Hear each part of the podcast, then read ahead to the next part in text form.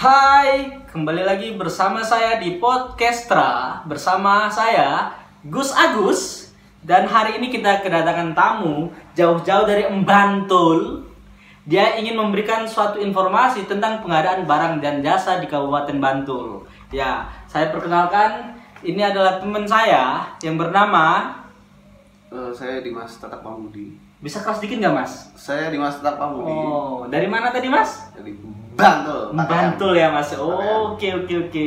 Jadi kita langsung aja mas ya, Iya. tanpa bertele-tele lagi. Oke. Saya ingin menanyakan ini mas. Mumpung ada mas juga di sini, kayaknya mas ini paham tentang masalah permasalahan pengadaan barang dan jasa di Kabupaten Bantul. Ya, gas. Ya enggak mas? Ya. Nah, saya tuh pengen tanya, kayak itu kayak gimana sih mas proses pengadaan barang dan jasa di Kabupaten Bantul itu mas? Kira-kira? Ya. Eh, kalau untuk ini saya berdasarkan pengalaman saja Mas. Kan eh, saya dulu pernah untuk mengajukan Mengajukan eh, apa, Mas? Mengajukan dalam hal pengadaan barang dan jasa. Kalau itu itu saya eh, di bidang jasa ya Mas ya. Kebetulan saya bergerak di bidang tour travel. Wih, keren itu mas ya. Enggak itu biasa aja. biasa aja mas ya oh alah ya sudah mas Jadi, kalau gitu sebenarnya saya eh, juga pengen bahas bilangnya biasa aja sih Iya ya.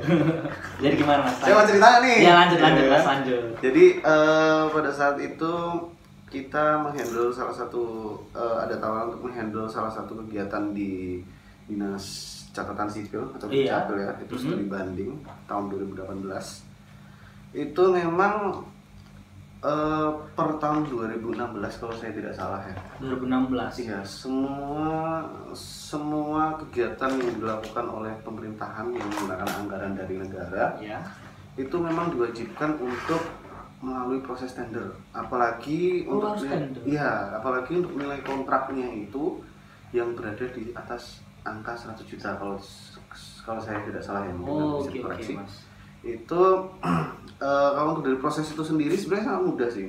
Untuk eh, lembaga atau mungkin badan usaha yang sudah memiliki yang sudah berbadan hukum itu sangat mudah karena memang tidak perlu mengurus hal-hal lain seperti harus ke notaris dan bagaimana dan bagaimana begitu. iya Jadi yang pertama saya lakukan itu saya melakukan pendaftaran itu melalui website. website Iya, website website, website dari pemerintah Kabupaten Bantul. itu apa mas websitenya mas betul biar teman-teman yang nonton ini itu nanti biar bisa langsung buka nanti mas Iya, itu websitenya itu di lkpp.go.id. oh Iya, itu nanti kemudian ada itu kira-kira rawan hacker nggak kira-kira mas Enggak ya mas ya. Oh, enggak kalau ya. Kita yakin Wah. server dari negara kita ini sangat kuat. Oh kuat mas ya, seperti kayak DPR gitu mas. Websitenya kayak gimana? Kalau dikuat lagi di Kabupaten Bantul ini mas websitenya. Ya, jadi itu eh, yang pertama saya lakukan saya melakukan pendaftaran di situ. Ya. Nanti ketika kita buka eh, di website itu tuh sudah keluar tuh nanti bagian-bagian yang akan dilelangkan Eh, atau Oh. mungkin akan suatu proyek atau apa pun itu yang akan masuk ke proses tender. Nah, nanti untuk berbagai lembaga, eh, maaf lembaga, berbagai badan swasta, mungkin badan ber- yang bergerak di usaha tertentu, mungkin Hmm. ada yang di jalan, Hmm. eh, pembangunan jalan, pembangunan jembatan, nanti bisa melakukan pendaftaran di situ. Hmm. Tentunya dengan nilai kontrak yang sudah disepakati, yang sudah ditentukan oleh pemerintah itu sendiri.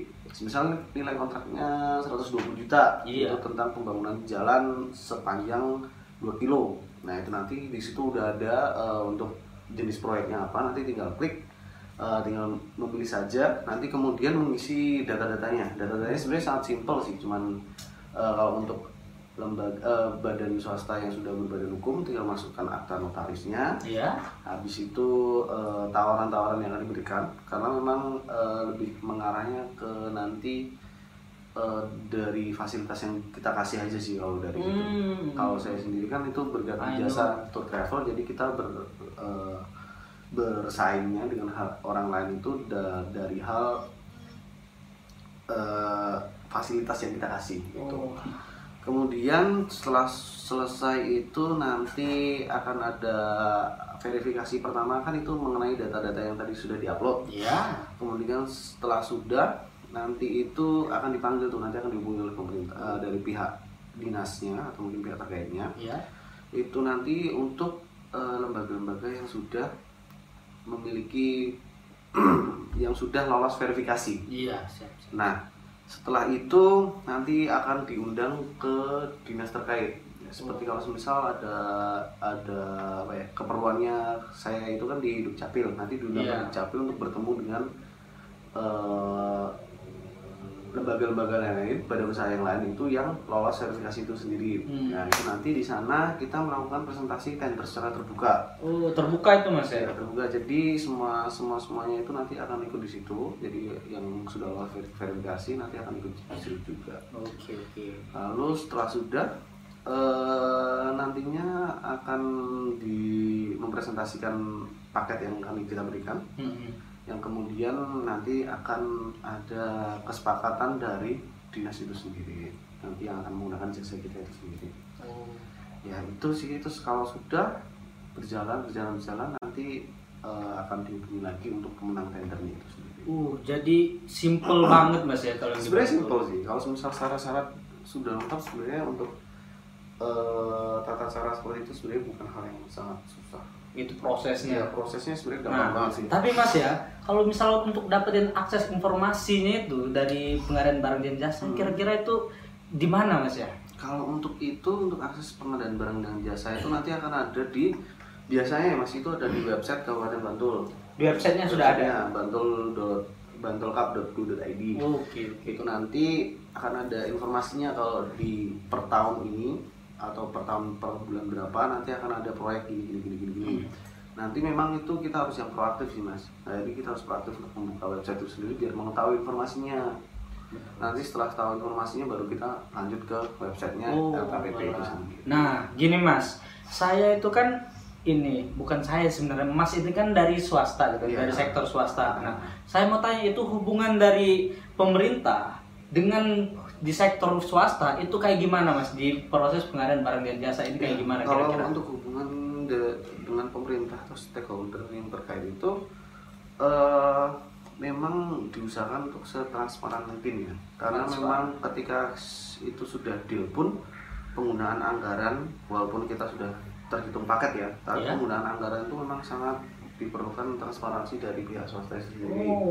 Seperti kalau dari saya kan dari pihak Bio Travel itu eh, kita nge-breakdown anggaran-anggaran yang akan keluar itu kita breakdown dan nanti akan jelas. Iya. Misal untuk makan berapa, untuk tiket Jadi harus berapa, harus ada berapa. semua gitu. Iya. Harus jelas dan juga harus tertulis semua. Iya, Data-datanya harus ada semua. akan Mas, ya? dimasukkan dalam kontrak kerja kita. Oh, oke oke oke, I see. Nah, terus ini terakhir Mas yang mau saya tanyakan. Kira-kira ada hambatan nggak Mas di pengadaan barang jas- jasa di Bantul ini kira-kira menurut Mas? Kalau hambatan, kalau dari saya sih lihatnya mungkin dari eh, SDM dari dinasnya itu sendiri ya. Karena kadang dari dinas itu sendiri itu ada yang paham-paham nggak paham, ada yang memang paham, ada yang sama sekali nggak paham. Oh. Nah, yang disusahkan itu memang eh, ketika kita menemui eh, dari pihak pemerintah itu yang mereka itu kurang paham mengenai eh, hal-hal yang seperti kalau kita udah mulai tendernya secara elektronik ini, ya ten- bagaimana cara tata cara tender dengan elektronik itu sendiri. Itulah yang mereka itu kadang masih belum mengetahui secara pasti sih. Dan kemudian kalau untuk eh, ketika sudah berlangsung itu sendiri em, mengenai pelaporan dari anggaran yang telah kita gunakan Iya. karena memang untuk eh, semua yang menggunakan anggaran dari pemerintah itu mulai seperti yang saya bilang tadi mulai tahun 2016 itu sudah harus memiliki NPWP Jadi kalau misalnya nggak punya NPWP itu artinya bisa. nggak bisa Mas. nggak bisa ikut Oh. jadi semua anggaran yang eh, semua dana yang dikeluarkan oleh pemerintah itu nanti pelaporannya harus melalui ketika memang dari badan swasta ya Mhm. itu nanti harus melalui eh, yang jelas badannya itu harus memiliki NPWP entah itu perusahaan atau perorangan tapi memang untuk dari harganya sendiri ibarat kata ya harganya itu lebih mahal ketika memang kita menggunakan NPWP milik perusahaan nah itu nanti pembayarannya habis itu eh, proses pencairan anggarannya itu memang kalau dari pemerintah ini biasanya jalan dulu baru cair. Gitu Hmm. itu memang kadang menghambat. Jadi eh, mungkin agak eh, agak memberatkan kalau untuk pengusaha-pengusaha yang masih mulai merintis ya karena memang untuk modal awal kadang itu masih terlalu banyak. Jadi kita harus menunggu pencairan itu menunggu pelaporannya karena kan pencairan itu menunggu pelaporan dari pemerintah. Iya. Nah, itu nanti dilampirkan dari NPWP kita juga sendiri itu yang akan mempersulit kita itu sih. Kebanyakan itu. Kemudian eh, untuk hal-hal lain terkait informasi yang didapatkan. Informasi yang didapatkan mengenai tender itu sendiri. Hmm. karena kadang ada simpang ada hal-hal yang simpang siur ada yang sifatnya terbuka dan tertutup terbuka dan tertutup itu kalau saya tidak salah itu di didasarkan oleh nilai kontraknya itu sendiri. Nilai kontrak itu Iya, sendiri. dan juga ke- kemampuan dari dinas untuk mengerjakan suatu tender itu sendiri. Jadi mungkin ada yang bersifat tertutup ada yang terbuka. Tapi entah itu tertutup atau terbuka semuanya itu di harus ya diusahakan untuk secara transparan. Dan juga harusnya eh akuntabel yang jelas semuanya itu terancam dengan dan terperinci untuk anggaran-anggaran yang keluar itu sendiri. Oh ya, baik. Ya mungkin saya rasa cukup sampai sini saja Mas ya kira-kira. Saya sudah banyak dapat benar informasi-informasi tentang pengadaan barang yang jasa di Bantul dari Mas. Wah, terima kasih benar ya Mas Tatak ya. Sama-sama, Mas Ya, baiklah teman-teman. Hari ini kita dat- kedatangan tamu yang sangat istimewa sekali dan kita sudah mendapatkan informasi-informasi tentang pengadaan barang dan jasa di, di Kabupaten Bantul. Maka dari itu jangan lupa untuk menonton kembali ataupun mendengar kembali podcast dari saya yaitu Gus Agus. Sampai jumpa. Bye.